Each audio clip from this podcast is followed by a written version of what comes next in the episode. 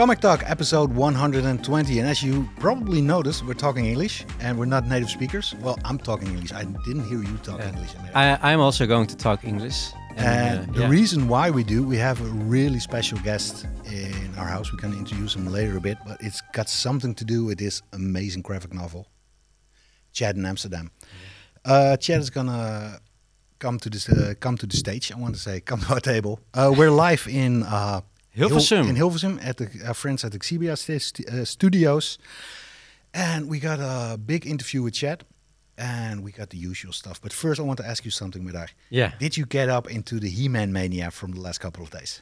Uh, no, it- because I, I didn't grow up with He-Man. Uh, when I grew up, my parents really didn't like television, so we only had uh, uh, public stations, and the public stations didn't uh, air uh, any He-Man of Masters of the, of the Universe. So yeah, I, I, I So tell me about why there was a big hype the last couple of days about yeah, He-Man. uh, Kruidvat, uh, the, the how do you say yeah cheap ass store, I guess.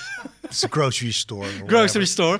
Uh, Pharmacy. they had uh, uh, a really good deal. You could uh, get uh, the He-Man action figure and the Battle Cat figure uh, for, I believe, four to six euros, and fifty percent uh, discount at the at the register. So you, you could basically get them for six euros in total. I, I think it's Well- insane. This morning I was in Rotterdam to do an interview for uh, for Twitch, and uh, I stumbled upon a Kruidvat. And I thought, you know what? I'm gonna check it out. Uh, Everybody loves FOMO, and I have FOMO too. so I bought two, Two He-Mans. Yeah, and they didn't get me 50% off, so I've paid 10 euros for it. you should go back. yeah, yeah, yeah, yeah, yeah. But I'm not really a He-Man fan. So I thought it would be a nice present to for Meidar. So I called up Meidar and said, ah, I really don't like He-Man Turtles forever and all that. So uh, we did the setup and then Jeroen, uh, Jeroen the second, Yeah. he said, well, I'm a big fan. I said, oh, you're going to get mine. and then Meidar, said- I already bought it for Meidar and Meidar said, uh, I really don't want it. Shall we uh, open it? Yeah, but but the fun thing is is that He-Man is basically uh, a blonde uh, Conan. No way. Yeah, but Mattel, the the company, uh, also behind Barbie, of course, they really wanted to have a uh, a toy for for boys, and I've, and, and they knew there were uh, Schwarzenegger was uh, coming up with a Conan the Barbarian movie, and then they actually saw a rough cut of the movie in which uh, the parents of Conan, uh, very old spoilers, are getting beheaded, and uh, later in the movie, uh, Conan comes uh, to a shed uh, and knocks on the door, and a young lady opens, and without saying anything, not even a hi, he uh, has sexual intercourse with this woman. So Mattel was like, "This is not uh, our barbarian." So they yeah made a new barbarian, blonde hair, blue eyes, a little bit more clothing, like uh, Spencer's around his torso, and yeah, the rest is history. And now actually you have a you're blonde, all ages Conan. Look. Yeah. You should now say his his thing. Uh, I remember that. Yeah. Uh, uh, the Grayskull's powers. Yeah. Something. Oh, by the power of Grayskull. Yes. But yeah, yeah, right. But this Conan looks like Asian. Like a no Conan. This is like an Asian He-Man. yeah. Don't, don't you think? Yeah. No, that's it's, Well, he's gonna. Yeah. I'm gonna give him. and and and there's actually a, a, little comic uh, with the figure. I'm re- I'm really curious uh, When about you, this. when you talk about little, it's really little. Yeah. Like a, like a bee beeviltje. Oh my god. Middag, my Yeah. present to you. Oh, no, thank you. So we got uh we got this guy standing guard, and it's a strange thing. He's got like an axe, a Conan axe, and a s but he cannot get. You know? He looks good. Um, yeah, thank you. It's time to kick off uh, the show, Yeah. and I'm not gonna uh, I'm not gonna tell you about the horrible time I had with Madam- Web, but it's really you. bad. It's the first zero, first one I gave. Oh wow! Yeah. But, uh, but uh, l- last episode, uh, Ray told us he, he was laughing at, at the movie. Did you laugh I was? I was crying. oh, Uh, I couldn't make sense. This is such a bad movie. Uh, every word we spend on Madam Web is one word too many. So uh, get on with the show. yeah. And are we going to translate the you need to have this or we go moet je hebben? Maar moet je hebben, Yeah. because else it will be uh, very uh, confusing. Okay, we're gonna start out with the moet je hebben, and it's a compact version, so uh, we only got uh, like seven books. Yeah. The first book is.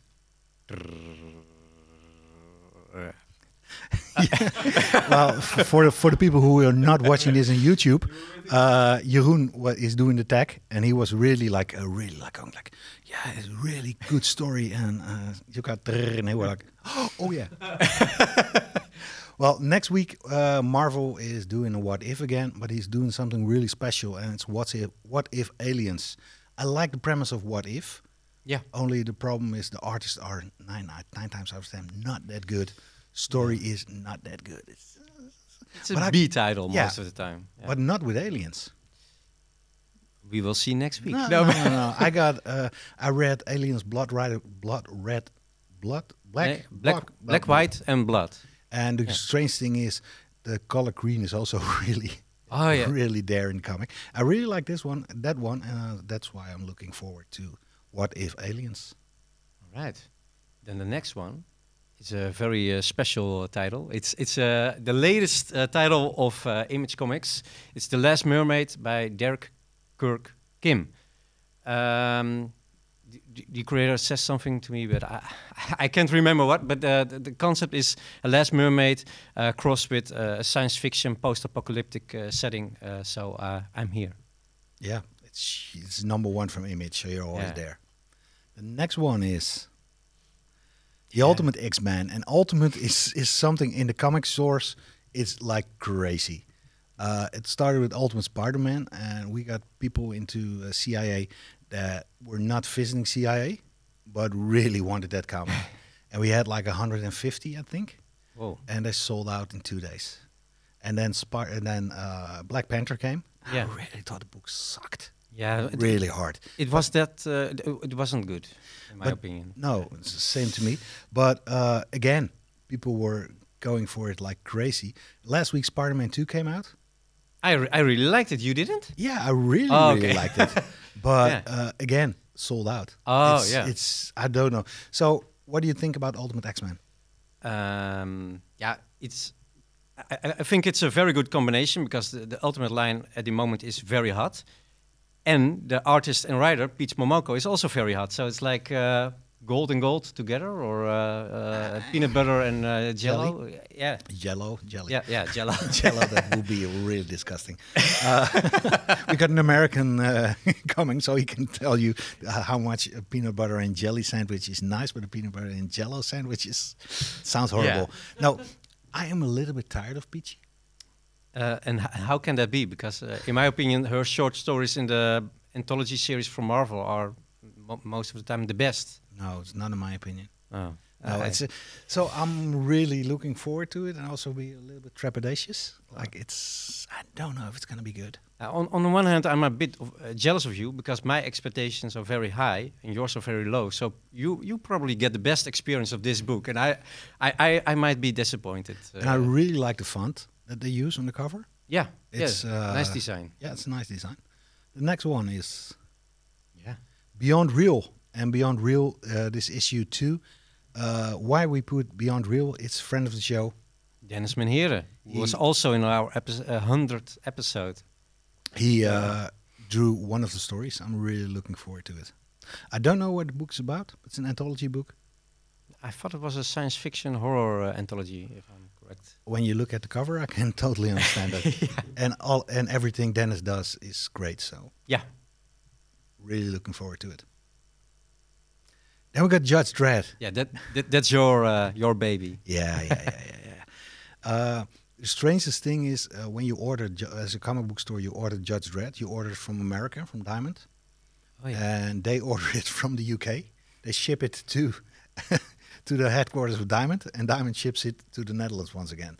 Yay, nature! it's so bad. yeah, but, but but isn't there a way for a store like CIA to cut out the middleman? Yeah, Diamond? it is, but uh, because of the Brexit, uh, you pay an arm and a leg Oh, when you order them. At, uh, but I was in London two weeks ago, yeah. and I picked it up already. Oh, okay. So you got a book from the future. Yeah, basically, and it's Cool. it's Judge Dredd, and people uh, the the people who listened to the show before know Judge Dredd is my be all and all. Yeah. next to Conan.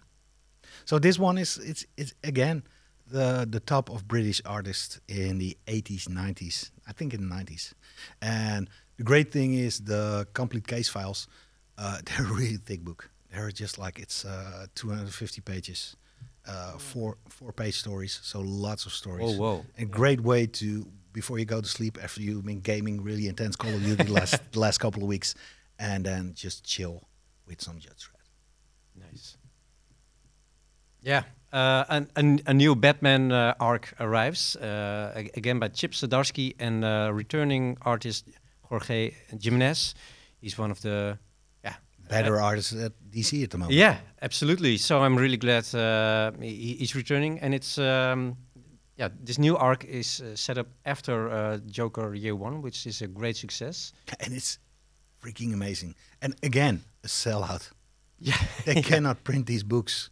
It's it's stuff that happened in the 90s when people just went to comic stores en masse to get the special uh, image cover or Yeah. uh, Oh, yeah. whatever.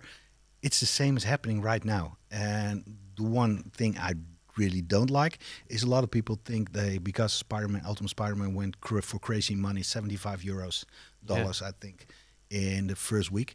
Uh, that people really think they're buying it as an investment. yeah. We, we'll talk to you about about three years. Yep. No, Yeah. but I really like Joker Year One. Yeah, I, I, I only read the first issue, but I was a bit uh, meh. It's nice art, but not my cup of tea of story. Yeah, sorry. More for you. Yeah, yeah, yeah. yeah. No, but this one, uh, I'm again, once again, I'm gonna try Batman again. so this is this is a con- concurring theme in this podcast. Yeah. And we got the last one. yeah. Uh, Terry Moore, take my money. I don't know why I buy this. I Yeah. really don't know. Why You I already got uh, Strangers in Paradise in I got the formats? singles. I got the pocket books. I got the trade paperback, Wow. and now there is uh, now there is omnibus part three. Yeah. And the great thing is they uh, they skip out all the, the filler issues, so there is no text issues. It's just a story, Oh, Yeah. and that's way that's the way I said to myself. Well, it's good to buy because now you can read it as a. I don't Yeah. know, but if you never read Strange in Paradise, shame on you and uh, buy the, these books. The book these books are 26, 27 bucks, and you got a thick one, Yeah. and it's really Yeah. really nice. I agree. It's it's one of the best comics uh, comic series ever made, in my opinion. Yeah. Now it's time to get our guest. Yeah. No. Yeah. What heb je gelezen? Oh yeah. What have you gelezen? Yeah. With our guest Chad. And normally we have an audience. So it's Yeah. kind of, yeah! Welcome. Hey, what's up? Thanks, y'all. Hey, Chad, how you doing? Yeah, life's good. Can't complain. That's good well, I could, Good but that's not why I'm here. You're not Dutch, so Mm, yeah, but I'm I'm good at complaining. so that's so that's that- my ingeburgerd. yes. Oh, yes. you That's why I make you perfect fit in Amsterdam. it did. It did. Welcome to the show. Oh, Hey, we're gonna talk later. We're gonna talk later about your book. At first, what did you read last week? Not at exactly last week because I was very busy last week, but the last couple books I read, I read the first part of the Homicide graphic novel by uh, well written by David Simon of The Wire fame, of course, and. If you haven't watched The Wire, shame, on, you. Yep. Yeah, sorry And, guys. Uh, drawn drawn didn't? by no. you did Not yet. Not yet. Oh, I'm, I'm, man. I'm really young, so uh, I. Well, I, well, again, I, I I'm jealous of you because you get to see it for the Yeah. first Oh, yeah. time. I'm watching it again right now for like the fifteenth time. Wow. I got through. the Blu-ray box gifted by a friend, so I need to watch it again. Again. Yeah, it's a, season four. I think is the best season of TV ever, Okay. personally. Wow.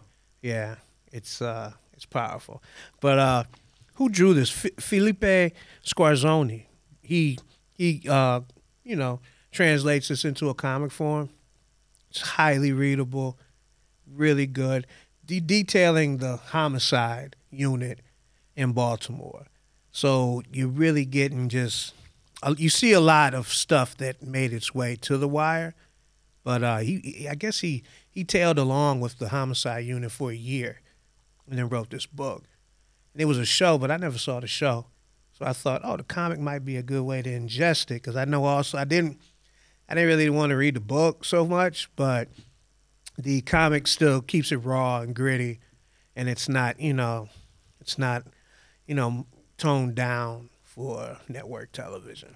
So that's I I recommend it if you like crime stories and whatnot. Really good. And it's a two-parter, right? Yeah, it's a two parter. So the two I have the second part now. So looking to, looking forward to reading that. It's a first second book, so uh, the, the publisher who specializes in big tr- uh, paperbacks, I think, books, book like more more like a book than a comic. Yeah, it's pretty big. Like it's about three hundred something Yeah. pages. So It's on my want list. Yeah, really looking. you forward. want it. It's really good. Really good. Medar, what Yeah. did you?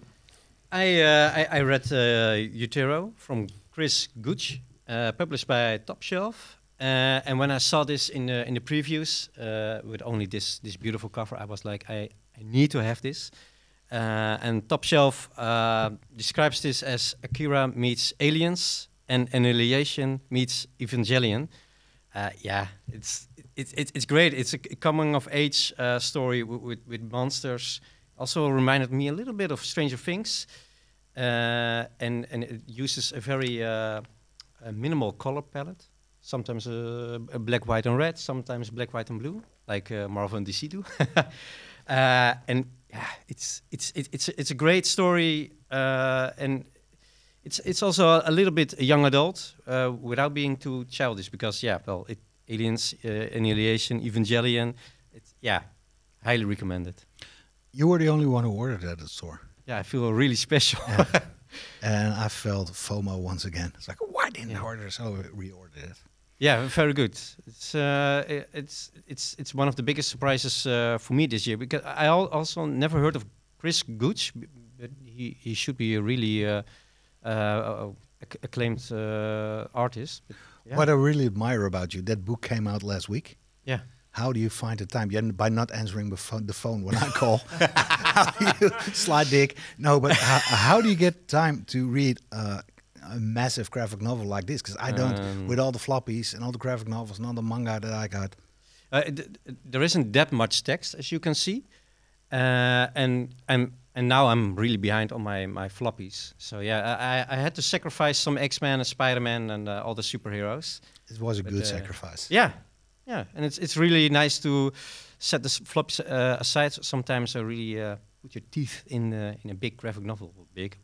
Well, It's, it's about biggish. three, 300 pages, I think. But yeah, Jeroen. Yeah, I, I read a lot of comics, and normally um, here I speak about the comics I really like, and I was talk about the comics I really hate. and at first, uh, Spawn 350. Yeah. In the, you did it again. in the words of the famous Britney Spears, "Oops, I did it again." Uh, it's it's it's not as bad as Madam Web. Oh. but it's and other good other good news is Todd McFarlane is not really writing it. He uh, he does the plot. Uh, he does an additional script, Oh, okay. but the plot is and the script and plot is from Rory McConville. Don't know who it is. Uh, the art is by Brad Booth and Carlo Barberi, and it's pretty good. the art, yeah. Yeah. Yeah, it, it looks uh, looks great. Yeah. If you're a Spawn fan, Yeah. Could somebody please tell me what this book is about? Because I don't know. There is the King of Hell that is Spawn, that is not Spawn. There's a guy who's leaking ectoplasma, and that's then there's a girl Spawn coming out, and she's the and she's not a girl Spawn. One, it's, I went like, uh huh. Maybe it's time for Ultimate Spawn. Yeah, maybe it is. Well, actually, Ray and I went to New York Comic Con and we went to the uh, Todd McFarlane panel, and they're gonna do some Spawn that is not in the Spawn, u- some Spawn universe, but not connected to the L. Simonson, Wanda Simonson Spawn. My hopes are for them, and this one I really hoped to get back into Spawn again. And no, Too bad. there are a lot of people who really like it, and tomorrow is New Comic Book Day, and I'm, hopefully this is will not be aired tomorrow. Otherwise, I'm gonna get a lot of shit for this. There's people who are okay, like, ah, how can you do it? It's my Spawn. It's the best. No, Spawn is not my thing. If you want it, you can get it. If you want it, you can. No, Nah, I'm- I'm No, no thanks. I'm No. uh, if you want it, you can get it. I want to read it, so it's yours. Yeah. Chet, what, did you read any other books? Hopefully, Yeah. they're better than mine. Yeah, it's definitely better than Spawn.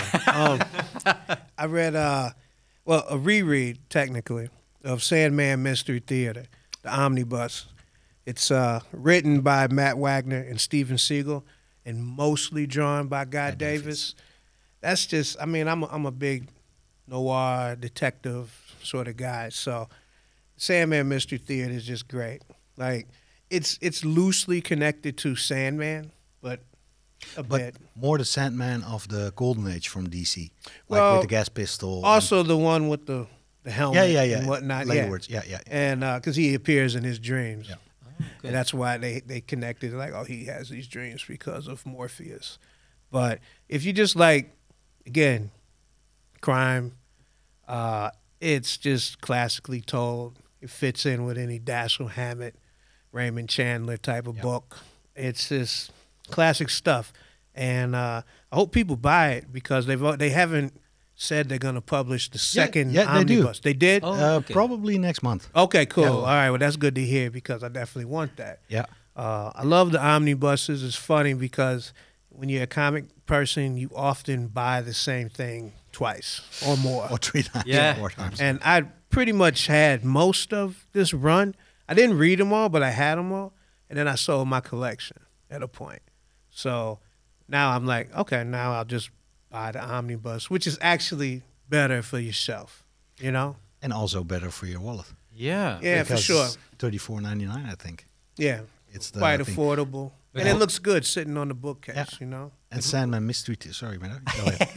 Why did you sell your collection? Because that's a b- big ball you dropped. Uh, Oh yeah. Um it was something like I was storing it in a bakery that my mother ran and she was kind of she didn't know the situation of the she was kind of bothering me to get rid of it. So I sold them. It was a comic book store around the corner from her bakery in Cleveland Heights, Ohio. They gave me a good price. okay. I, I, I sold them all. I kept my Acme novelty libraries. That's about oh, it. Yeah. Um, and it was nice. It was cathartic because I got rid of all this stuff that I used to just hoard and lust after. So, and then yeah, I didn't look back. But I have bought a few of the best stuff like Starman Omnibus and Oh, yeah. Batman Year One again. So I buy a lot of it again, but I like to get it in a prestige format. Again, I'm all about making my bookshelf look good. So people come over like, oh, Yeah. you know, I like floppies, but they're hard to display unless you like frame it or it has to be forward facing. That's the trick with the floppies. You know. Yeah. Let's get back to Sandman Mystery Theater because I, I remember when Vertigo was still publishing it. Right. Uh, then you got like it, it it opened up a world. It was my introduction to Vertigo. Yeah. And okay. it was it was just like something, especially the Guy Davis art, something that I did not know before because I knew Jim Lee, I knew the Marvel, I knew the knew the DC artist, Mm-hmm. and it was totally different. And I read them, I was really impressed. I don't know what happened to my original things; uh, they got lost along the way. Maybe I sold them. Uh, and when the omnibus came out, I ordered it, and it was one of those things you read, and you're at the end and you want more. And it's Right. it's it's just, just like a really good series if you've seen HBO or whatever streaming. It's like six issues. Uh, that is one story arc, and then you got another six issues, another story arc, and it's all interconnected, but not in a way that you should should read all of it. Right. I, was really impressed by it. It's really good. I mean, Vertigo. I don't even. Is there anything even like that now? Yeah, there is. Distillery is is, Yeah, is doing They're doing good stuff, but doing like really good stuff. Vertigo at its prime with. you know, I mean, had Shade the Changing Man, Doom Patrol, Yeah. Sandman, Preacher. Preacher, Black Orchid. Yeah. So much, so many good titles. It's almost like Legendary. It's- How do yeah. you? How are they doing this?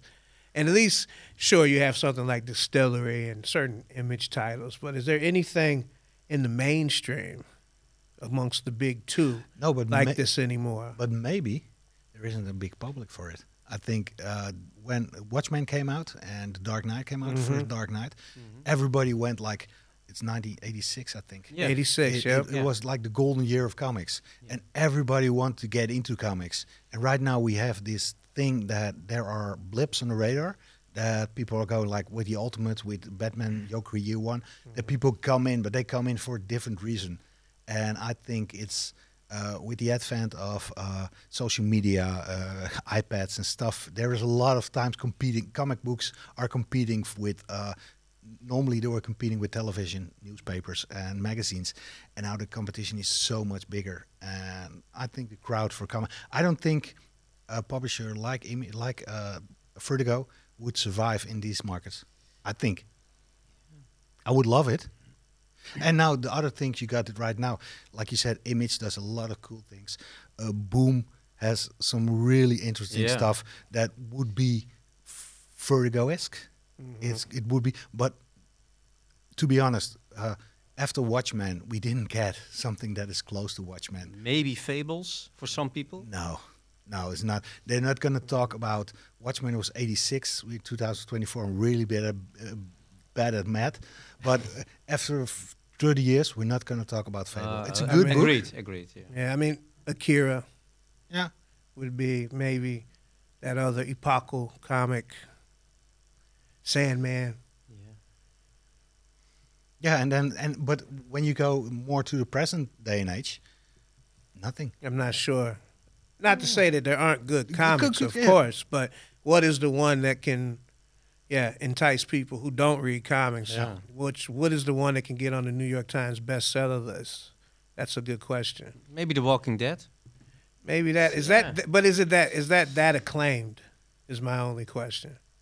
I think Walking Dead is a really good zombie comic, and I love their uh, deluxe versions. And I'm rereading it, and it's talking about a series that I spent way too much money on. but it's it's not a Sandman, it's not No, a no. Preacher, it's not a Watchman, it's not a Dark Knight. No, that that's true. Medar, what did you read Um, next to yeah, Inutro? last week, uh, last week the, the big news came out. A lot of people were happy. I was quite indifferent because uh, Marvel and DC are going to team up again and repl- republish their old crossovers and amalgam. Oh, Uh, wait, yeah. wait, I gotta tell the story. Yeah, So I am on my Facebook and I see this pop, uh, popping up. So I, thought, oh. I called Medar, and this time he picked up. I said, "Did you see?" I said, eh. I said, "Huh?" "Yeah, I really didn't like." it." But it's it's amalgam. It's it's it's the history. It's the last time those two guys. yeah, it's been and you were almost 30 indifferent. And yeah. I was like, so that conversation. Okay, okay. Talk to you later. yeah, yeah. I- I'm uh, yeah. Sorry, but uh, it's it's just uh, I'm not a big fan of most of those old crossovers, and amalgam I always found a very yeah stupid concept. Uh, sorry, uh, but but yeah, uh, but but I was doing some research, like maybe maybe I missed out on something, and then I uh, it turned out that uh, José Ladrönn uh, uh, drew Spider Boy Team Up, which is a really weird comic, of course, because uh, yeah, Spider Boy is a fusion of the '90s Superboy and and the current day in 1996 uh, Spider Man. Uh, and in this team up one one shot, he he has a uh, a team up with the Legion Galactic Guardians of 2099, which is a mashup of Legion of Superheroes, Guardians of the Galaxy, In 2099. yeah, and it, it's it, it's it's really weird. It, uh, it's a it's yeah it's it's a big uh, time traveling story, uh, but the art is is is amazing. Uh, Ladrönn uh, has, uh, has a very similar style to I guess Jack Kirby, and a bit of uh, Moebius.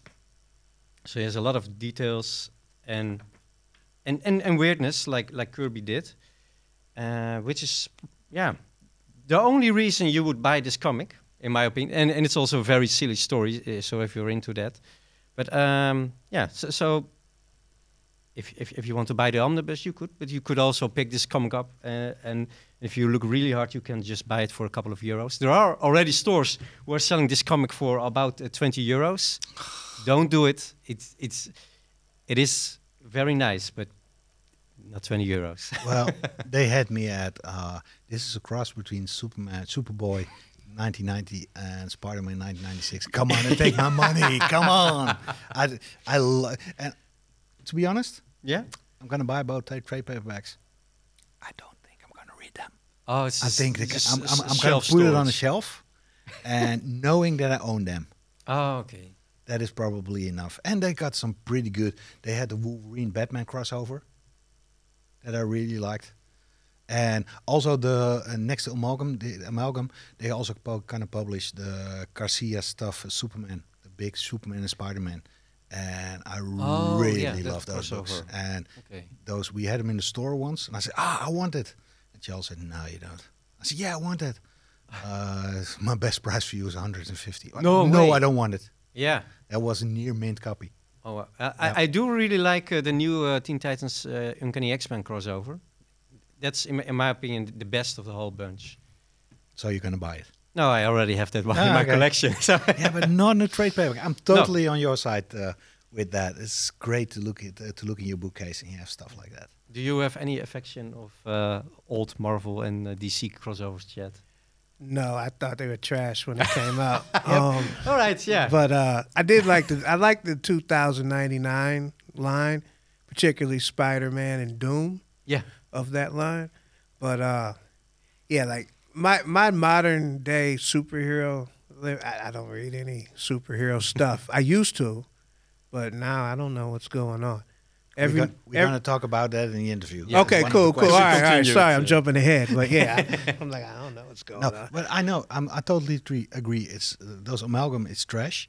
But the the publishing Marvel and DC did in the 70s, in the early 80s, they were really good.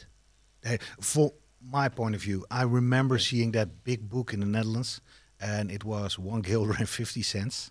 Oh, wow. And uh, Basically nothing. yeah, but okay, my uh, allowance was 25 cents. Oh, yeah. So yeah. that was Yeah, always same. something. As that can I 150 for a cup? Are you crazy? and now we pay 3.99 Yeah. for a book. Now, Oh, I how- mean, that old Teen Titans X Men crossover was good. That was good. I agree. But I mean, I'm talking like a comic. It's like 30 some years old, right? Yeah. Yeah. Tells you Even how out more. the loop I am. Yeah. I don't know. Um, Frank Miller. Yeah. What Return of the King. Well, Return of the Yeah. very old king. Yeah, the Uh, has-been king. Yeah, it's it's so hard. This is so hard for me because I really like Frank Miller. What he did with Daredevil, Yeah. it's fantastic. What he did with Batman is fantastic.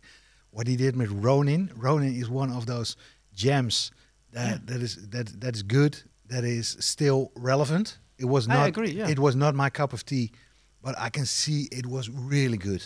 Yeah. And then he uh, uh, then he went downhill with Holy Terror, with the really right wingy. Uh, it was supposed to be a Batman comic, but DC went no, no, no, Yeah. no.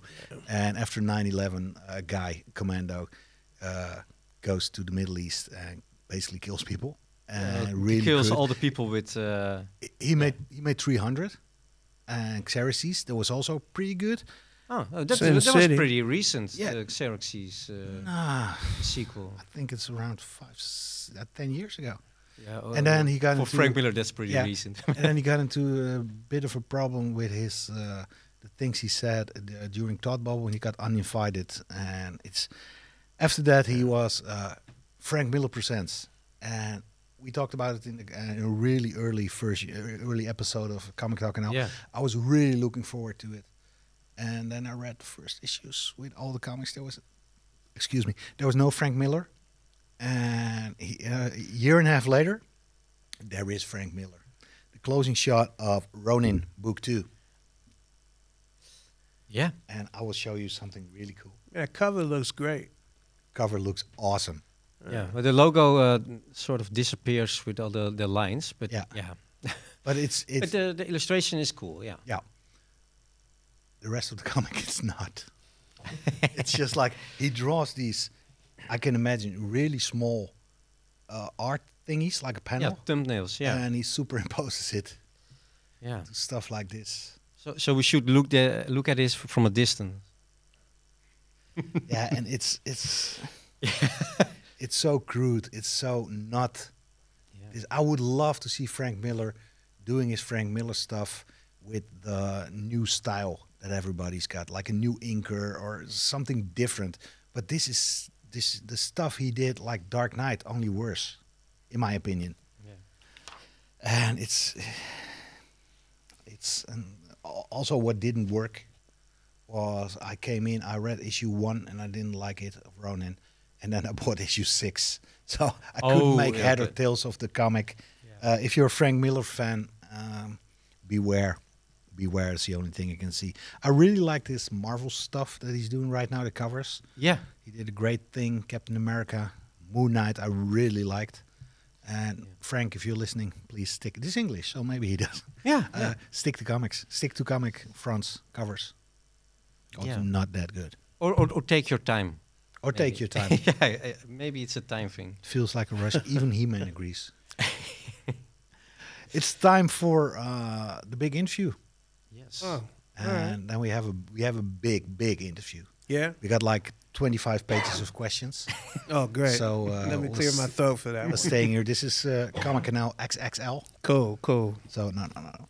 Uh, first and foremost, how did a guy from Cleveland end up in Amsterdam writing comics? Yeah, yeah, long story. Well, I in between Cleveland and here, I was living in DC. So I studied, worked, came of age in DC. So when that chapter drew to a close, I got the opportunity to study here at uh, University of Amsterdam, 2009.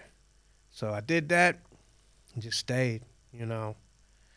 And uh, life was sometimes good, sometimes tumultuous, as life can be. And uh, during one of the uh, nadirs, the low points, I was like, you know what? I gotta reinvent my life. Need to do something new. So I was reading at the time American Splendor by Harvey Harvey Yep. who's actually where he's from, where I'm from, Cleveland. And uh, it was nice reading this comic because like I'm seeing like Cleveland in the comic. And uh, you know, Cleveland's not like New York. New York is really spoiled by having their city and so much art and cool media.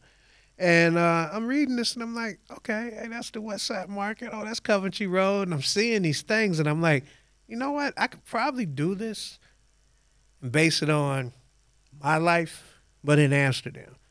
Because not only you, you have it's a different shtick. You know, Harvey's like born and raised, bred and fed Cleveland. And I'm not from Amsterdam. So I'm giving like what I thought was kind of a a needed outsider view. Not necessarily because I don't really consider myself an expat. So more like I consider myself an Amsterdamer. If you pay, if you're living in for four, if you're living in Amsterdam for 14 years and you pay tax for 14 years, you are in Amsterdam. Yeah, Yeah. f- most of those years at least. You know what I'm saying? when I was gainfully employed, but like, yeah. So I thought maybe I got a point of view, a, a viewpoint that might be interesting to not just other people in the expat immigrant situation, but also folks from here and maybe tourists, which kind of was kind of worked for me.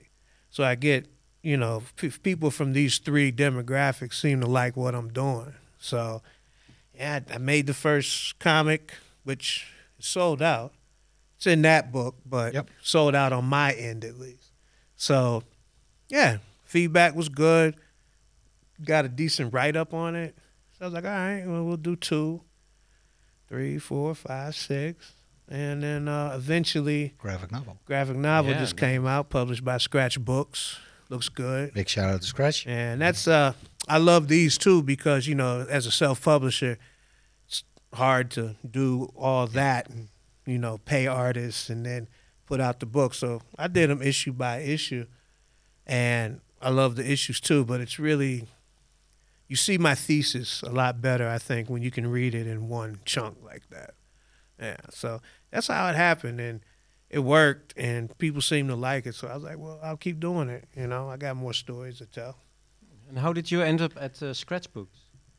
Um, I was in Ang- Bay de Angoulême in France. and it's uh, one of the biggest comic conventions in Europe. yeah, Oh. it's amazing. If you can go, you should go because you'll Alright. love it. You'll love it. Um, so I was there, and you know, as a professional, and you get this badge, can go into the rights and marketing, rights and licensing tent. So I had set up a uh, meeting with them beforehand. They knew a bit of what they they said they had heard of my work, maybe had some issues. I gave them some, and yeah, they were like, "Yeah, we we'll work with you. We'll uh, we'll do it." So, I mean, wasn't the fastest process. Like, took about eh, roughly a year and a half or so to get everything together from like initial meeting to book coming out. But you know, it was it was a seamless process. They're great to work with. So I was just happy that they were really into it. You know, because for me, no offense to all the other comic publishers, but I didn't think it really made any sense for me to be on any other publishing company in the Netherlands other than Scratch. It made for me it made sense at Scratch, you know. So I'm glad that worked out. And it's also an Amsterdam company. Yeah, it's an Amsterdam company, so And Wiebe told me that he really liked, the owner, publisher of Scratchbooks, that he really liked a different kind of view of his city that he's seen all his life uh, through his uh, through the eyes to uh, somebody else who's Right. not from around here. that's exactly what he told me. And he's like, I see my city anew Yeah. through your stories. So I was like, okay, that's cool. That's exactly what I was trying to do, you know. Um, so yeah, like really an honor to be on that publishing house because I think they're proud they put out great books. So to have your book on that, yeah, just you know, it's an honor. So yeah, that that worked out well, you know. And you uh, self-published six issues, and some of them are on, on the table uh, Yes. at the moment. Uh, but none of them are drawn by you. Uh, uh, so how, how did you find those uh, artists? Well, technically, I drew a few things. Oh, okay. but not like whole comics. I can draw, but I don't draw. And why is that? I'm out of practice, and I feel that I'm slow, and I prefer to write. I like to dictate and tell people what to do. So that's why I write scripts and like, yeah, you do this immediately. and in your uh, biography, you're saying, yeah, you're saying you're a gifted illustrator, but too lazy to draw at any degree of consist- cons- consistency. Yeah, that's about right. You know, like there's if you flip the book over, there's like this Looney Tunes caricature of me. I drew that. I don't Oh, know. cool. Yeah. So in there, there's a comic called Milk in the first issue, which I don't have here. I drew. It's like it's a one panel thing. I drew that. yeah. I did uh, this building, which wasn't a. It looks like an illustrator thing, but I actually drew it and then followed through on Procreate. So I drew this too. Oh, cool. So I can, and actually, I have a plan to actually draw something because Hmm. I'm really tired of everybody. I mean, it makes sense. I get it, like Yeah. because I don't really draw, but I can. It's just not. That was my focus from like a little kid up to about the age of 23, and then I started to gravitate towards. Well, around 18, I gravitated towards music but 23 that kind of came on a lot stronger and photography so and writing so i mean i'm always involved in some artistic output you know some sort of creation. But I, yeah i just didn't draw a lot. And i thought also it would be cool for these stories to have a diverse look.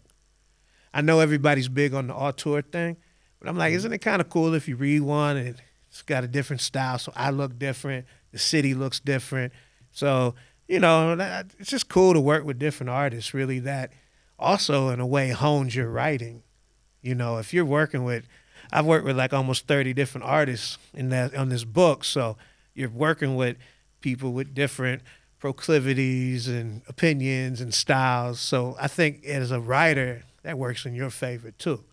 So that's kind of why I did it. And laziness. did you reach out to the artist, or did the artist come to you and say, "Hey, I want to participate in this project"? a bit of both. At first, it was just kind of, I kind of knew certain people. So, like, the guy who does, like, and I don't have the first issue here, but he was a good friend of mine who did the cover for the first one. Um, so, it's in your slide somewhere. But, uh, so his name's Delicious Brain. So, I knew him, and I was like, you hook up the cover. Sorry, kunnen just quit. Ben jij die slides erop? Ja, sorry. Het is, Ja, ja, ja, ja. ik zat je al de hele tijd. Ja, eh, sorry, God. He's like, I'm playing two dots, Ik- homie. yes. homie. Calm down. Okay, uh, could you start out with uh, the comic that is that is on the screen right now? Yeah. Yeah. that this this one, this guy who drew this, his name is Danny Modesto Rodriguez, and uh, he uh, I think he's a great artist. I um, he's from Cleveland, Ohio, so he's actually never been to Amsterdam. So this is the cover of the hardcover. Yep. The compendium. And Danny, like I worked with him on another story in my infamous uh, Sinterklaas issue. So I wanted him to do the cover. So I just sent him a bunch of photos, like mostly of things I had taken around the town. And I'm like, look, I want you to just like smash these together. I showed him some like old school blaxploitation posters It's kind of like, you know, inspiration. And he came up with this, and I'm like, I like it because it's busy, and I really miss that old school '90s busy comic art. You know, there's like a lot going on that it gives. It's like I'm looking at the cover and seeing what's cracking. So. Mo- most of those people and most of the things on there, they're kind of real. Uh, the funniest bit, one little aside, little little anecdote about the cover. I get it back, and you got the Melkmeisje in there, right? And she's in red, and I'm like, "Well, why is she red?" And he was like, "Cause she went through the chimney." Oh wow, yeah. Is So is this Tintin, by the way? no, that's just like Jan Willem, you know, some cocker guy on a bike. Ah. Cause I sent a picture of a dude in a blue suit, brown shoes. Yeah, throw him in in some way. So he was like, "Okay, well, I'll have him getting knocked out by the girl with with the bat. Then that bat is an actual thing that I own. So most of it comes from actual pictures I've taken. Like you'll see, there's this naked guy, semi-naked dude Yeah. on a bike. He's a real Amsterdam fixture. yeah, he's, he's quite famous, right? Yeah, he is. He's always riding around and with, with these underwear on and biking and like he never stops. He's just Going back to the Melkmeisje, I thought when I saw the cover, it was a red light district Melkmeisje, like a old European art goes like slight, Yeah. slutty and uh, seedy kind of Amsterdam. yeah. I, I figured that too because I was like, is this a coloring mistake? Because if I was like, if it's the reflection of Yeah, those the lights, Yeah. the back wouldn't be red. Yeah. But he was like, nah, it's because she went down a chimney. And I'm like, you're a funny dude, man. So, uh, yeah, you know, all that. And then again, remember the old caution white heroin sold as cocaine signs. And I just wanted to jam as much. And he even, like, if you look at the ground, he's got, like, the street, then the bike lane, then, like, the sidewalk, then, like, the roof, which is Vart Pete and Santa Claus. And I mean, it's just great. It's just so much going on. I personally like it, you Yeah. know. So I'm a It's fan. great. It's yeah. really cool. What's your process of writing? Do you write in the quiet? Do you? I know you're a big music fan. Yeah. Uh, do you crank up the jams, or what's your process? Or Nah. just just sitting on a sitting, Sitting. somewhere and chilling. Usually, usually I'm not. li- Well, if I'm listening to music, it has to be something with no lyrics, because if lyrics are playing, I'm gonna listen to the lyrics. So I might put on instrumental hip hop. My, more than likely, though, I would put on something like some '70s dub. You know, because there's very few words in that. It's chill. Makes you think a bit. So I just, you know, usually it's silence though. I just in my computer. I, I start on paper, so I always have a pen notebook. on me, a mm-hmm. notepad. So I usually just start. What am I trying to do? What's the story? What are the major movements? Boom, boom, boom. Then we break that down into a page setup. Then I start writing dialogue. Then I go to. I hate typing, which Oh. yeah, I know. For a writer, that's, Yeah, I know it's, it's it's silly. So, uh, but I, I hate to type. If I can avoid it, I do. So then I usually when I go, by the time I'm typing, most of the dialogue's been written or at least a very a tight outline, and then I just start. Page one, panel one, bow, and you know plot it out. I usually plot out panel setup. Um, I leave it to an artist. For artists, artists have like veto rights, like the U.S. president. So if I present them a script, and you know, I'm definitely like they don't change dialogue or nothing. But if if I got like say I got a nine panel page, and they're like, mm, this might work better doing a seven panel page. Okay, how you gonna do it? Let me know. Boom. Okay, yeah, it looks good. Usually they're right, because I write quite descriptive scripts. So I do that. I give too much data because I want any subsequent thought from the artist to be rooted in what I really want.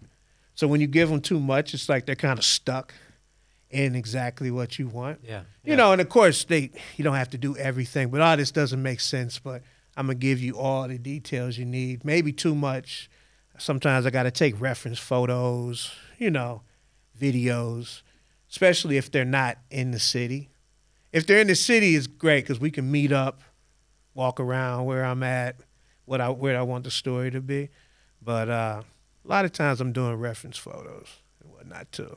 Music is also a big part of the book. And uh, how how how did you get it to write the foreword? Is written by uh, El-P from. Yeah. sorry, it's, it's Pardon me. contagious. Yeah, I no, no, know. no, it's good the same. Uh, from Run the Jewels. Yeah, I got El-P. How did you? How? Yeah. I Because mean, he's a pretty famous guy. Yeah, that- yeah, that's true. And uh, it's funny because like I didn't really. He's a quote of his is on the back, but I didn't want like the front to be like introduction by El-P. I mean, I, I'm a big El-P fan, like since Company Flow days, Def Jux. So, you know, I know my hip hop well, so we go back. Run the Jewels is great too, but love Def Jux stuff. The album he produced, this Cannibal Ox album, incredible. So.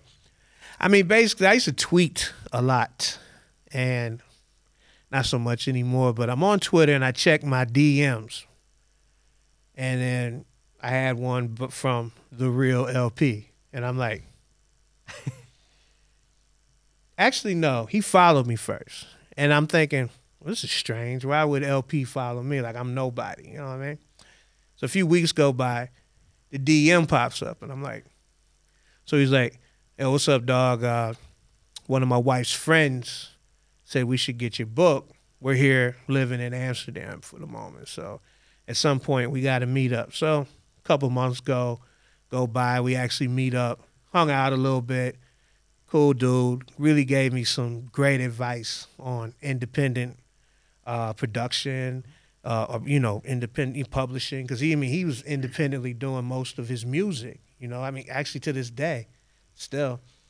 Um, so he gave me some good pointers. He was he was a cool dude, and then uh, he I guess he was in town to do a show that he never got to do. They were gonna work with a Dutch publishing company. So when he left, he was moving. He's like, I'm moving back to New York. Like fuck all this. Oh, there's my one F. Excuse me, but uh, so he was like, "Do you want some uh, weed and speakers?" And I'm like, "Yeah, sure. I can always use weed and speakers." so I went to his house, got some weed, got some speakers, and that was that. And then, you know, I got his number, I got his email. I'm not here saying like we're the best of friends, and I don't abuse that. He's like, "Hey, if you're in New York, let's meet up." But he's always busy, so I hit him when I'm in New York. Hey, you around? He said, "No, I'm doing a tour and such and such, rocking the stadium." And uh, I was doing this book, so I emailed him. I'm like, "Would you like to do the foreword?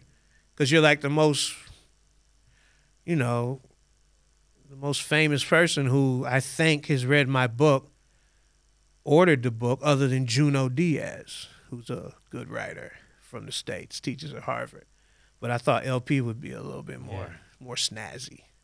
you know, and I thought that, you know people would appreciate that. So he said, yeah, he wrote it up. I kept it. I didn't change a word really, just kind of, you know, corrected a little grammar. Other than that, and I mean, it was just an honor. And I drew that picture of El-P too. So if people want to know what I draw, I drew that. Is uh, Chad in Amsterdam also going to be published in uh, other countries than uh, the Netherlands? I don't know. I mean, I do these, and when I go on festivals, I do bring these. I've been kind of selling the book a bit more. Like when when we saw each other Yeah. at Thought Bubble, Leeds, yeah. that was a good day. I mean, I quick, You quick, sold out. Yeah, I sold twenty I copies real quick. I still haven't returned the, the trolley. To Oh, you haven't? No, I promise, uh, Wiebe, if you're listening, uh, I'm gonna bring back bring back the trolley. I'm sure they're not like fiending over it or nothing. No. But nah, now I'm kind of, I still bring these at least for nothing. I mean, it's weird because you got folks. It's comics, you know how it is, and you got floppy people. Yeah. And then you got people who want that. So I actually there's one guy, and when I was in Columbus, and he he was like, I want all your stuff. He said, you have number one. I'm like, I don't have any, and he was like, Well, are they out there? Said, I'm sure there's some stores somewhere. And he emailed me. He was like, Man, it was really hard to find. I had to order one from Belgium. So, you know, he paid this crazy shipping cost, and I'm like, Oh, all right, wow. well, that, you know, it's flattering to have somebody who wants to be a completist Yeah. with your work. So now I guess he'll get that when I go back to the states. So, um, maybe I guess I mean I'm- I'm sure you could like publish a paperback version of it in the states or something. If Yeah. anybody's up for that, I mean I'm listening, but you know, like uh, Yeah. Oh, uh, whenever I'm in the States uh, and you tell the people you're from Amsterdam, instant. uh, They like, present you "Yeah, with drugs." Wow, wow, wow. wow. I- no, no, no, no. actually, actually, in the early 2000s, people go like, "Are you carrying?" Yeah, exactly, yeah. I said no, but it's normal uh, when you are at a party uh, uh, in, in America and you or a family gathering or whatever, and you tell them you're living in Amsterdam, you get people's attention. They Yeah. think it's so. I think it's it's really good fit in American, It's- and, uh, yeah, especially in stores like Barnes and Noble, but also the also the comics because it's a really good eclectic uh, collection of artists. I, I would agree. And folks over there, they're into it because they've heard of Amsterdam. Many times they've been here. Other times they want to come visit. So, and it's not like your ordinary look. So they learn a few things while they're doing it and uh, are looking through it. But yeah, they're into it. And it's not just like Amsterdam or me, but there's a nice cross cultural component there that's not in a lot of other work in the world. You know, like this guy goes to this other place. Here's the Yeah. story. There's not. I mean, what was that show with my man from The Sopranos, where he moved? Yeah, Lily Lilyhammer. Lilyhammer. Yeah, yeah, Oh, yeah. It's kind of like Stevie. I'm, I'm not. I'm not like really that much of a criminal. Good to know. good to yeah, know. but like We're gonna talk about the re-up. the re-up. I mean, yeah, I was like a low level criminal, but like, yeah, it's it, there's, it's it's cool. People dig it. Like the states actually likes it. I get good reviews there. Sales are pretty good. I'm in a lot of places, a lot of stores, a few distributors, so it does well. We're presenting that book next. Well, actually, like I'm going for MoCCA in New York City, Cool. so I'm bringing a bunch of those along, and we'll get them in some stores, make some sales. You know. And you're also going to send your uh, your, your works uh, to Marvel or DC to uh, maybe write a little Spider-Man. or to Image or Yeah, or to Image. Yeah. I mean, I went to Image once in Portland. I went to their offices, but then this is when I first started off, and I just had the first two issues, and I realized like, oh, if you go to Image offices, no one who's important is gonna actually be there. So like the secretary's looking at me like, and I'm like, can you get these to the people who need to read it, like Jim Valentino or something? And they're like, yeah, sure. I'm sure no one saw it. Uh, I mean, I would write. I'd love. A lot of people don't like Marvel and DC, and like I said, I don't really read a lot of their stuff nowadays. But I'd love to write because I know all the characters yeah. from growing up and reading it, and as you were mentioning, like Dare, Frank Miller's Daredevil. I'd like to do something really daring with some of their le- lesser known characters. Could you name a couple? 3D Man. Oh wow. that's really deep. well, d- d- do a pitch for Marvel for 3D man. I mean, I'd love to Yeah. if they would hear me, and then like you know, I, I liked like the Scourge Wars, Captain America. Yeah. Remember that Oh yeah, yeah. stuff like that? I think there's a lot of Turk. There's a lot of low level characters that you could do a lot of fun things with in Marvel, and in DC, I got an idea as well. I like Legion, but I'm not a s- really a sci-fi guy. But I have ideas. That's a w- weird comment because Legion to me is the ultimate uh, science fiction superhero series. Yeah, that's true. So, I kind of just like the fact that we're all these people in one crew, ah, yeah, yeah. like a Wu Tang of uh, superhero.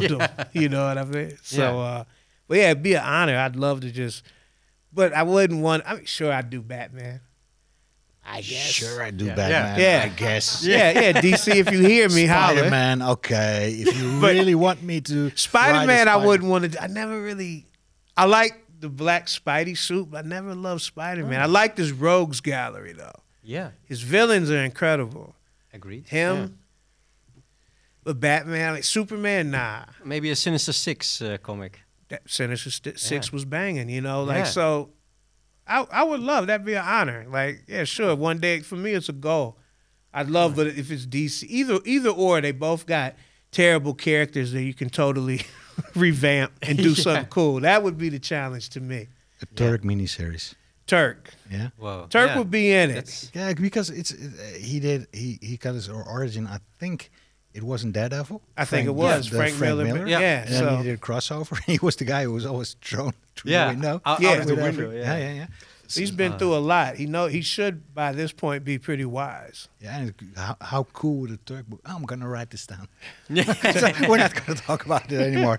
Uh, getting back to Chad in Amsterdam. Yeah. Uh, six issues. Six issues. It's uh, you got this incredible, great graphic novel. Mm-hmm. Is it one and done, or is there are there still more stories of Chad in Amsterdam? Yeah, it's fun. I was just talking about that a second ago. I mean, there could be. Depends, right?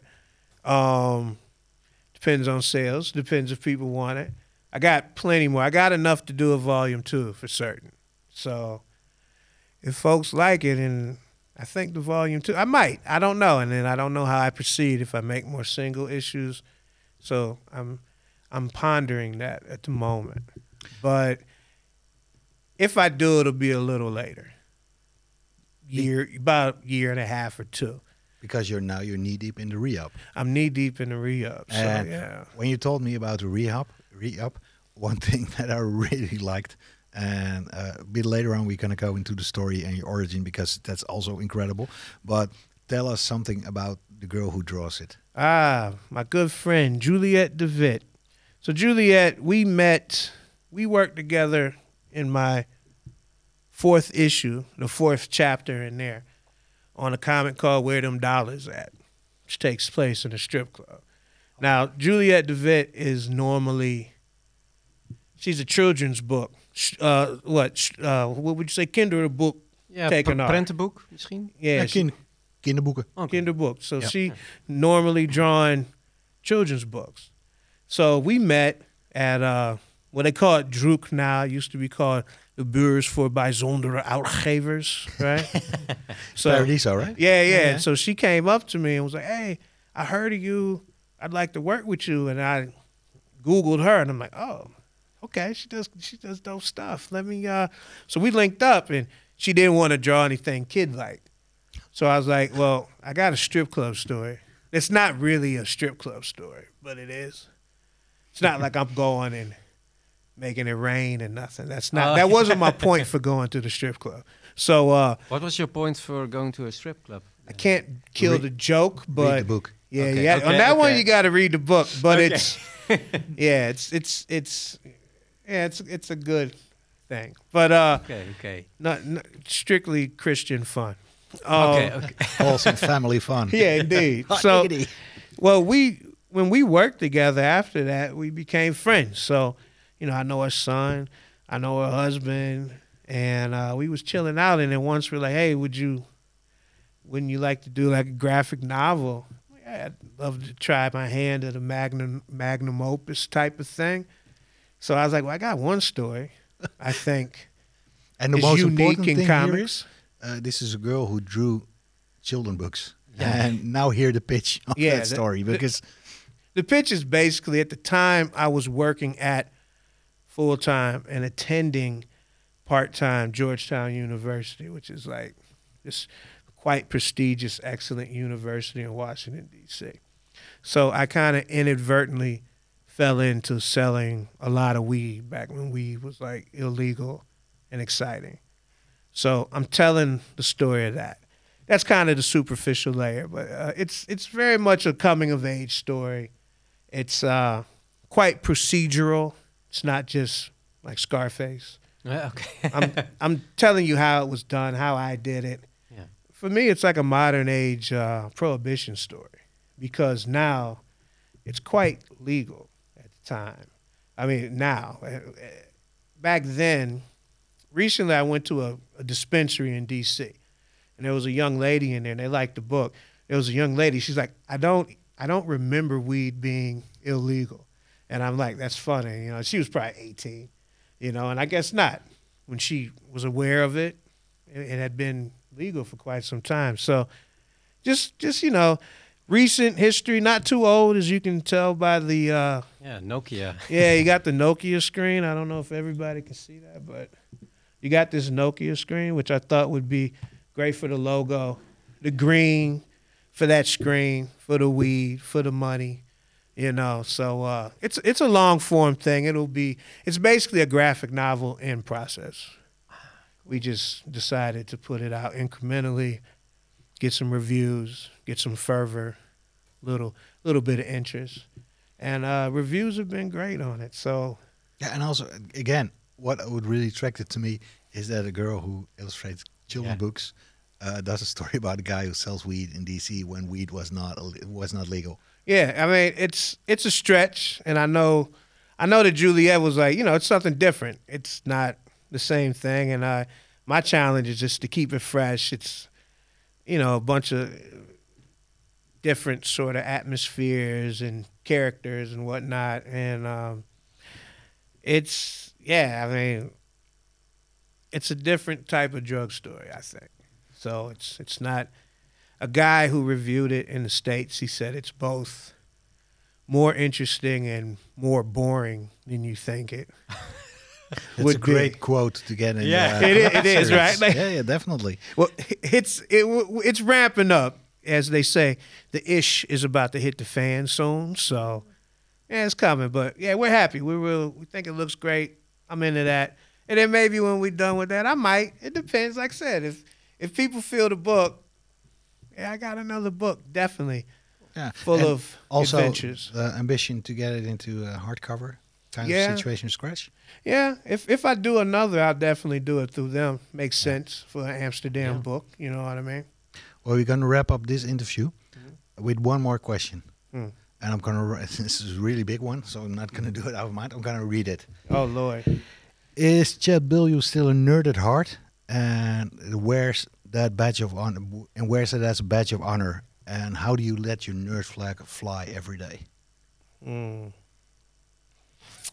I guess, yeah, I guess you know, I'm a nerd, but not a geek, because I think there's a difference.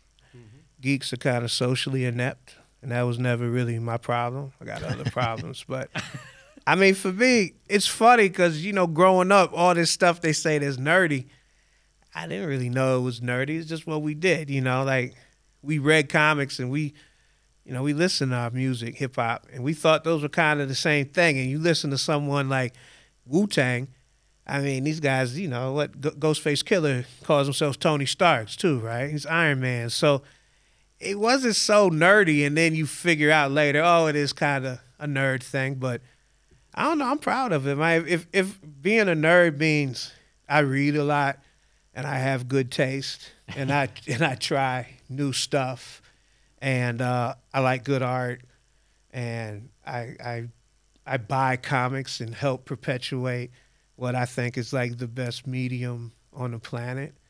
Then I'll be a nerd. That's cool. Like you know, and it's funny because. I mean, I'm I'm no spring chicken. I'm like 48 now, so like, I really don't care what people think about me. You know what I'm saying? So I'm gonna read and do what I want to do, regardless. But all the things I want to do doesn't infringe on anybody else's happiness. And yeah, I mean, I mean, if you haven't read comics, I mean, I'm sure you guys got a list of comics you can, you know. I I always uh, suggest things to friends like try this out, you know, and they That's- usually are sold, you know. That's the great thing about DC is bringing out uh, trade paperback, small, like more ma- Yeah. manga like. I read but about that. with Watchmen. or Yeah. with, and they are nine ninety nine. That's perfect. And I Yeah. said to Charles, order a shitload. That was my shitload. Boatload. order a boatload of, of, of them because I'm gonna I'm gonna buy them because it's it's the perfect gift Gateway. Right. when uh, to who's not into comics but into really good stories. Yeah. Right. And right. that's a great gateway if you want a really good story and something that is out of the norm and that you see normally in biographical, biographical comics. Chad in Amsterdam is sold in your uh, local stripboekwinkel. and some comic stores, and it's completely in English. We forgot to tell Uh, that. there's- It's- there, there are some There's Dutch, but it's it. Yeah, definitely yeah, yeah. mostly in English. It's for in sure. English. So, uh, For sure. Chad, thank you very much. We're going to see you back at the end of the show. All right, thanks for having me. Thank you. Thank you. Yeah. Nou, spreek ik weer ineens Nederlands. Dat is wel Ja. heel erg gek. Maar Kan, dat kan jij ook. ja, eh, misschien dat ik ineens Nederlands met een heel Amerikaans accent Ja. kan praten. Ja, Gewoon lekker Engelse woorden tussendoor. Dat is heel modern. Heel modern. Ehm, eh, ik wilde zeggen Medaar en ik, maar eh, de twee Jeroenen waren afgelopen weekend bij de presentatie van een heel mooi boek. Een striphommage van niemand minder dan Erik Scheurs. Jeroen heeft de dure Ja. en ik heb de goedkope. maar eh, wel twee hele toffe boeken. Eh, Je ik- wil zien wie de grootste vriend van de uitgever ja, is. hè? zeker Ja. weten, zeker weten. Nou ja, ik, eh, Nou ja, ik dacht beste. dus dat hij me had gematst, maar ik heb even teruggezocht op voor de kunst. Ik heb hier echt voor betaald. Oké. Dus ik, eh, Eh, het ik heb deze gratis gehad. Nou en ja, ik heb, precies. En ik Ben heb er één gekocht. Ben jij het meest Dus dat is een eh, Ja. ding. Nee, eh, Erik Scheurs. ehm, Schreurs, hè? Ja, dat, Zie je, Ik- dat is toch dat Engels praten. Ja. Ik- Scheurs. Schreurs. Ik Scheurs. kan dat altijd moeilijk schrijven. ook. Ik vergeet die R altijd. Maar, Ik, eh, we ja. weten nu dat ik het moeilijk kan uitspreken. Ja. Eh, Erik Scheurs. Whatever. Eh, Erik S. Bekend van Joop Klepsijker. Ik weet nog dat ik toen Jeroen nog een Jeroentje was. wij hadden de Panorama thuis. Mijn buren hadden een nieuwe revue. En elke zondagavond wisselde de Panorama een nieuwe revue open. En ik zat er echt op te wachten. Het eerste wat ik deed was Doorzon en, en Joop Klepsijker. Ik was Ja. echt een heel groot fan. En eh, toen kwam Reboot met het nieuws dat ze een Kickstarter gingen doen om een eh, tributeboek te maken. Ja. En ik heb hem gelezen. Ja, ik ook. Eh, we hebben hem pas sinds zaterdag, dus Ja. dat hebben we allebei heel snel gedaan. Ehm, ik ben natuurlijk ooit bij de start van Reboot betrokken geweest. Dat is denk ik al meer dan drie jaar geleden inmiddels. En toen hadden we het hier al over. We waren toen de Nile, Ninetales eh, ehm, eh, crowdfunding aan het doen. En dit zat al lang in de koker van Leon. Leon, eh, de uitgever van Reboot, is ook een groot uh, Schreurs-fan. En eh, hij was al in contact met de familie van eh, Erik Scheurs eh, om dit te gaan doen. En ze hebben er dus meer dan drie jaar over gedaan. En eh, eh, ja, tijdens de presentatie waar we waren in het Moka in Noordwijk... eh, was eh, onder andere broer Stanley Scheurs was nog even aan het woord. En die zei ook dat het niet zonder slag of stoot was gegaan. Ik, ik kon me er van alles bij voorstellen. Zoals het ook hoort, denk ik. Ja, precies. Dat is denk ik ook wel mooi. En er is heel lang over gedaan. En ik denk ook wel dat je dat van het boek af kan zien. Ik, zal ik een hele boute uitspraak maken? Ja, Om te beginnen. Ik denk dat dit misschien wel een van de beste tribute books is die in het Nederlands gemaakt is. Ik Ja. heb echt genoten. Ik heb echt een, en de reden dat dit zo goed is, is eh, normaal als je, jij zei het aan de telefoon dat we een voorgesprekje hadden toen ik onderweg eh, naar de studio in GBA was. eh, vertelde me dat jij het heel tof vond dat het niet normaal tributeboek Martin, Martin Lodewijk zijn Ja. dan eh, pagina-interpretaties van de superheld agent 327 of van welke stripheld dan ook. En dit is een echt naslagwerk. Er staan he- hele goede verhalen, achtergrondverhalen staan erin, er staan Ja. interviews staan erin. Er staat origi- ja, ik heb echt een probleem. Origineel artwork. Original original art. artwork. Eh, origineel artwork staat, eh, staat erin. Eh, het, ja, het is gewoon een heel gaaf boek. Moet ik wel heel eerlijk bij zeggen. je moet wel Joop Klepsijker fan zijn. Want ik heb hem ook aan iemand laten zien die Joop Klepsijker niet kende. En die keek me toch iets wat vreemd aan. Vooral voor de tekeningen die er, die de tekenaars je, in moet- gemaakt je, je hebben. moet een beetje weten wat het is, denk ik. Want ik moet ook zeggen dat ik niet per se een hele grote fan ben. Ik ken het natuurlijk wel van vroeger. Ik kom uit een wat, eh, hoe zeg je dat, wat uh, vromer nest eh, dan jij, denk ik, eh, Jeroen. Eh, dus bij mij was dit eigenlijk helemaal niet gewenst, dit soort strips in huis bij mijn ouders. Eh, toch sneakte er wel eens een doorzon of een, eh, of een klepzeiker eh, binnen, of andere strips in die trant. En eh, ik vond het natuurlijk wel interessant als een klein Jeroentje. Ik ben ook een klein Jeroentje geweest. Misschien ben ik het nog steeds. En eh, ehm, eh, dus ik, ik heb het wel meegekregen. Ik heb ook, eh, ik heb er, moet er een paar in de kast hebben. Ik kon ze even niet vinden, want ik wil eigenlijk, wilde eigenlijk een oude versleten klepzeiker meenemen voor vandaag. Maar dat lukte even niet. Ehm, maar ja, zelfs ik, terwijl het helemaal niet de, de doorgaandse stijl is die ik lees, vind het wel heel leuk om te zien. Maar het is gewoon een beetje, het is gewoon absurd. Nou, een beetje, het is gewoon absurd. Maar het is niet dan absurd. Het is ook gigantisch ranzig. Ja, Ik vooral, weet- vooral lekker goor. Ik, ja. ik weet ja. nog dat ik een eh, dat ik nog kleiner Jeroentje dan jij was. Ik vond zijn sorry voor dit hoor. Ik vond zijn projectielkotsen. Ja. Al die dingen dat als dikke stralen, ja. die hele grote stralen. Ik heb het wel eens geprobeerd met heel veel drank. Het is mij nooit op zo'n mooie manier gelukt als dat Joop Klepseiker dat wel deed. Ja, Nou ja, we hebben het dus ook. eh, Er waren zes of zeven tekenaars aanwezig, hè, van de hommage-tekenaars in dit geval. En ik ga even kijken of ik dit kan laten zien aan de camera. Eh, ik weet niet, eh, misschien. Daar gaan we- onze YouTube daar gaan- ze. Ja. Voor degene die alleen luisteren, Een er komt kleine een, beetje eh, kunnen. een piemel. Precies, de piemels en borsten zijn toch natuurlijk wel wat, er- wat er dan in zo'n tekening moet. En, eh, en eh, een aantal eh, eh, ja, eh, karikaturen van, eh, van Klep, eh, getekend door de hommageartiesten. Eh ja, dat, is, dat krijg je dan wel mee in je boek, eh, Jeroen. Ja, Ja. Jij hebt, ze- oh, jij hebt het prachtig Ik heb, hem, eh, ik heb hem voor. Kijk, als jij hem eh, laat zien, laat ik hem ook zien. We Weet laten je, hem allebei even zien. Even, ik zie mij daar heel bedenkelijk kijken. Zo van, oh oh, dat gaat een probleem op YouTube We worden. hebben hem allebei laten zien, eh, maar daar. Als hij geband wordt, dan eh, knippen we dit er gewoon uit. Ja, Ehm, nee, het, het, eh, ik, heb dit, ik heb een extra boek gekocht voor eh, Michiel, een vriend van de show, een goede vriend van mij, woont in Bristol. En eh, het allereerste wat hij tekende was eh, deze, de, de superkok. de stripkok. Ja, dat is Ja, en dat is dus ook eigenlijk weer een grapje, omdat eh, eh, Leon, de uitgever van Reboot, ook een kookboek heeft uitgegeven. En hij zich op Facebook de stripkok noemt. Dus nu, maar nu werden er dus stripkoks in ons boek getekend. Wat vond jij van... eh, eh, eh, ik, ik vind het heel goed. Ja, Ik had wel één heel groot ding waar ik denk... Ik, heb het, de, ik sprak eh, vanmorgen, gisteravond, sprak de uitgever. ja, En eh, via de WhatsApp. Hij zei, wat vond je ervan? Ik zei, ja, ik vind het helemaal te gek. Ik vind echt, Mhm. ik was zwaar onder de indruk. Ik zeg, als je dit meer maakt, dan eh I'm on board. Maar ik zeg, het heeft wel een goede, een betere redacteur nodig. ja. Dit soort boeken eh, valt of staat bij eh, bladritme, noemen we dat als we bladen maken. ja. En ja, want dat dat zit is er het dus ook een beetje. helemaal Want, niet in. want het is eh, die eerdere hommage waar ik het net over had, bijvoorbeeld Agent 327, maar helaas was het ook van Guus Vlater, die was zoveel jaar oud en dat is ook een, een hommage. Dat is dan een, een, een boek, die koop je dan ook eigenlijk gewoon softcover, want zo bijzonder is het ook weer niet. Dit is wel hardcover waardig namelijk. En dat boek bevat dan gewoon iets van 48 pagina's aan tekeningen. Ja. Maar dit be- boek bevat dus interviews, eh hommage tekeningen, soms paginavullend, eh, soms ook een hele strip, of een strip van meerdere pagina's zelfs. Eh, en wat origineel werk van Erik Scheurs zelf, wat opnieuw is ingekleurd.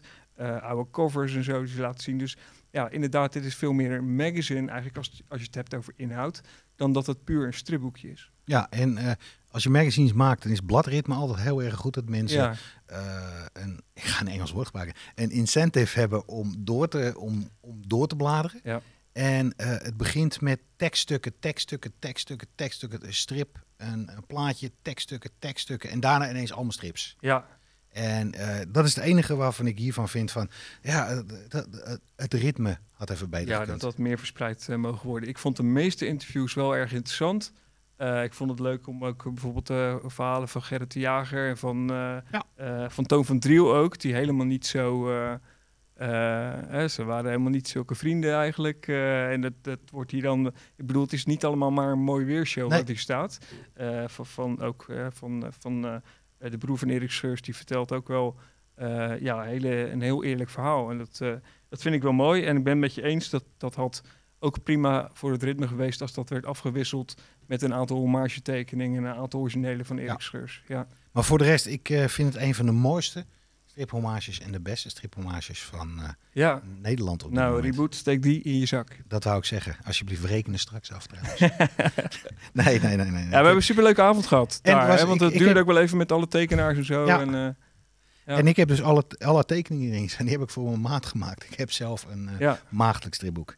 Nou, en ik weet, weet. of ik dat, eh, eh, of ik dat eh, heel erg ik vind. neem hem nog wel een keertje mee naar een beurs. eh, daar is, eh, zijn ze altijd te vinden. Ik heb de, de simpele. Hij komt over een maand is hij, eh, te koop. De, ja, dan pas? Ja, ik geloof het wel. Ja? Ik denk dat hij eerst alle mensen gaat uitleveren die... eh, oh ja, ik zag een eh, foto inderdaad, want hij heeft alle dozen heeft hij in de Ja. woonkamer staan. Die moeten nog de deur uit. Ja. Ja, en daarna zal hij in de winkel liggen. Dat zal hij in de winkel leggen.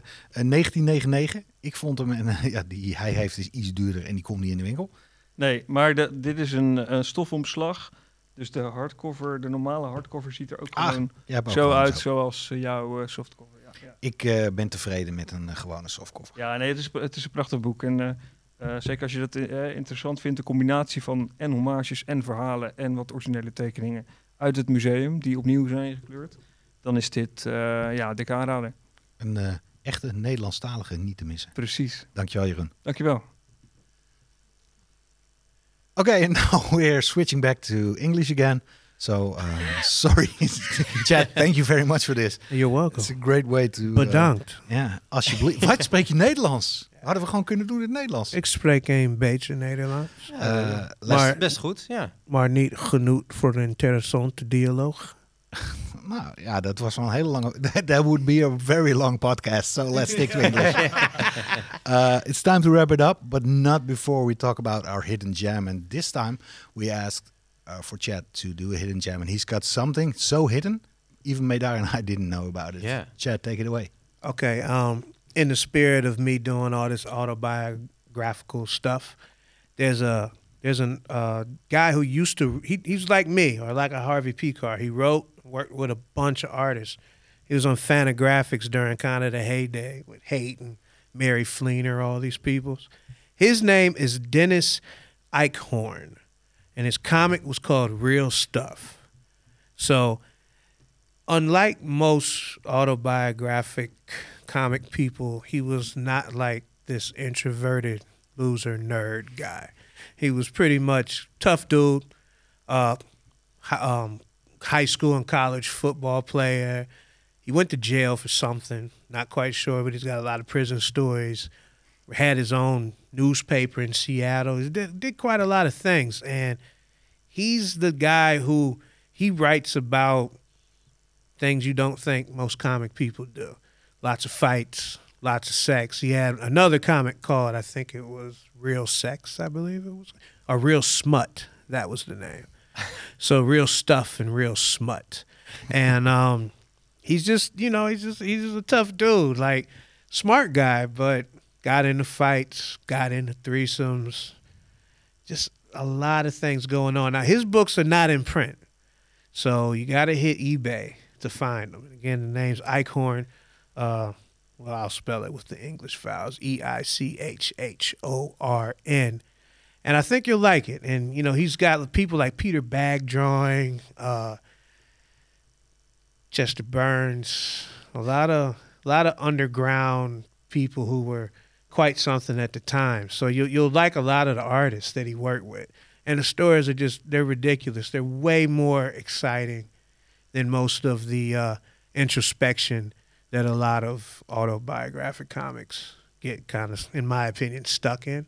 So it's real fun. You'll, if, if you like this sort of stuff, mischief and mayhem, and people getting shot, he's got, I mean, all types of crazy, nutty stories. So I, I recommend Real Stuff and Real Smut by Dennis Eichhorn. Nice. Is, do you know the reason why it's out of print? I don't know. I mean, ah. it's so weird because like Joe Matt is out of print. Yep. You know, so I don't know what these folks at Fantagraphics and Drawn and Quarterly are thinking, but get this stuff back in print. You know, I don't know. Why not? It's good stories. So he definitely you can find the issues online on eBay for sure. Um, relatively cheap. You know, Okay. between four and ten an issue. Sometimes, if you're lucky, you can find the whole set. And there is a uh, there's a trade that prints the best of what they consider to be the best of. Yeah, That was an interesting Yeah. hidden gem. That yeah, it's, was it, hidden it's really Medar hidden, like because yeah, you yeah. can't just go to the store and buy it. Sorry for making it so difficult to actually locate, but you said hidden gem. I like a challenge. Yeah. If you are uh, listening to this and you think like, "I- I want that, I'm gonna, I'm gonna get it. Uh, send us a picture and we will send you one of our favorite trade paperbacks. there we go. Word. This was episode 120, live from Hilversum, Xebia. Uh, thank you, Chad. Thank you. Uh, our sponsor, CIA Comics Import Amsterdam, the biggest, The best. the nicest personnel. Yeah. And Ray, he's not here. let me tell, let, let me tell you one thing.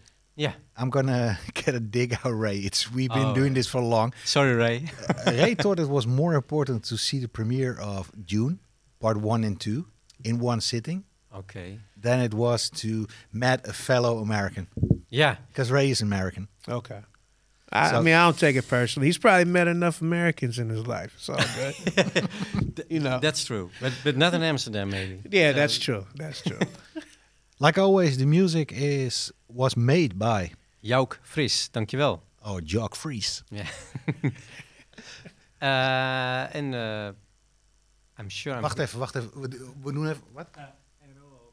Ja. Oh ja, ja, tuurlijk. Dankjewel, dankjewel. Sorry God, we zijn hier bijna vergeten. Ja. Uh, and we have uh, we had a very special guest, uh, not a guest, but he was working behind the scenes like crazy. He ordered the pizza, he cut the pizza, he gave us the food, some stuff that Jeroen Ooms is normally supposed to do. But Rohal, thank you very much. Yeah, thank you. He is one uh, that you should thank in the comments for uh, the technical setup. Indeed. And Appreciate you. yeah, we will see. You will see this on YouTube within a week, and I think within a couple of days on your favorite podcast pla- uh, platform. Share it, like it, Subscribe. uh, subscribe, uh, put your thumb up, your digital thumb, and uh, also subscribe to uh, YouTube, Instagram, Facebook. Facebook, and I said it. I was at an interview with Twitch. Yeah. And Meda and I, we talked about uh, our next live uh, live thing at CIA next week, where we're gonna uh, talk about the, The new- previews the latest previews. uh, yeah. Uh, we're probably gonna stream that on Twitch. Yeah. I first time experience. So Medar is not one who's really the enthusiastic. Yes, let's do it. So I hope his face was not on the. We're gonna do it. We're gonna spend it, and it's Yeah. gonna be really nice. yeah, it's going to be fantastic. It's, It's going to gonna be, be the best. Twitch stream ever in CIA. Boom. check our check our socials for the details. Thank Yeah. you very much. See you next week. Hear you next week. Thank you for your time. Chat again. Yeah, Thanks thank for you. being here. Thanks for having honor. me, man. It was really cool. It was real good fun. And uh, see you guys next week. Yeah. All right. Cheers. Bye. Bye bye. Bye.